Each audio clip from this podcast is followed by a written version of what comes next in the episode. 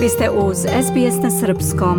Multimedijalna izložba i instalacija pozorište Lepota stvaranja novog mira prvi 100 godina otvorena je u ponedeljak u prostoru kluba Biter teatra u Beogradu povodom važnog jubileja 100 godina od rođenja Mire Trajlović. Autorke projekta Jelena Stojanović, Vesna Bogunović i Jelena Bogavac na taj način su odale omaž čuvenoj pozorišnoj rediteljki, upravnici ateljeja 212, osnivačici Bitev teatra i Beogradskog internacionalnog teatarskog festivala Bitev. Projekat je zamišljen kao prikaz fotografija na panojima i putem slide showa emitovanja na velikom platnu uz audio zapise savremenika, prijatelja i bliskih saradnika Mire Trajlović. U specifičnim okolnostima 60. godina, periodu hladnog rata, u vremenu političkog i kulturno-umetničkog otvaranja Jugoslavije, hrabro i vizionarski ona je gradila porodicu ateljeja 212, Bitev dovela je Teatar nacije u Beograd, osnovala Bitev teatar u Beogradu 1989. godine. O tom vremenu glumica Mira Karanović je svojevremeno kazala. Ja ne znam sad da li je to generalno bilo neko zlatno doba. Mislim da prema prošlosti uvek imamo jedan malo nostalgičan odnos, ali ona je svakako bila osoba koja je unela jedan potpuno novi duh ne samo u pozorište, nego u kulturu uopšte.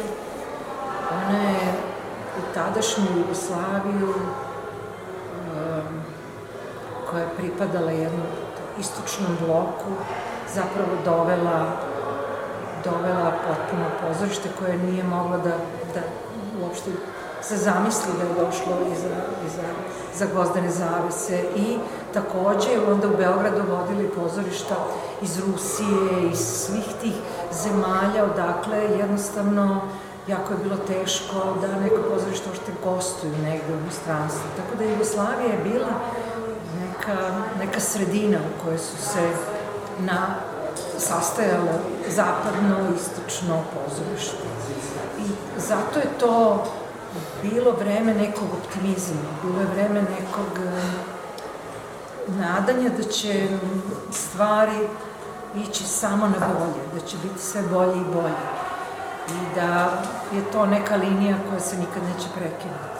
Rođena je kao Mira Milićević 22. januara 1924. u Kraljevu. Mira je najpre radila kao spiker Radio Beograda, a potom postala urednica dramskog programa ove medijske kuće. Tamo je upoznala spikera, a kasnije dopisnika dnevnog lista politika iz Pariza i prvog čoveka ovog lista, Dragoljuba Trajlovića, čije prezime uzela na njihovom venčanju već 1947. godine. Izvođenjem predstave Faust prema dramskoj poemi Getea u njenoj režiji 12. novembra 1956. godine otvoreno je pozirište Atelje 212 u biblioteci nekadašnje novinske kuće Borba na trgu Marsa i Engelsa.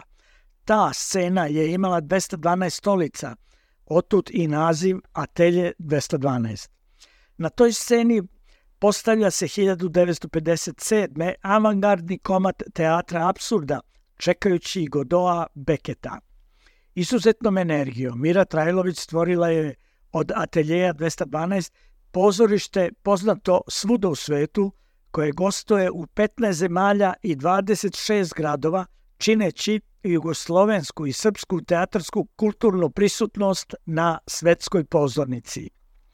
Od 1957. godine ona je režirala više od 30 značajnih predstava prema delima velikih stranih i domaćih pisaca, klasika i savremenika. Prema hronologiji događaja 1962. godine gradi se zdanje Ateljeja 212 po projektu Bojana Stupice.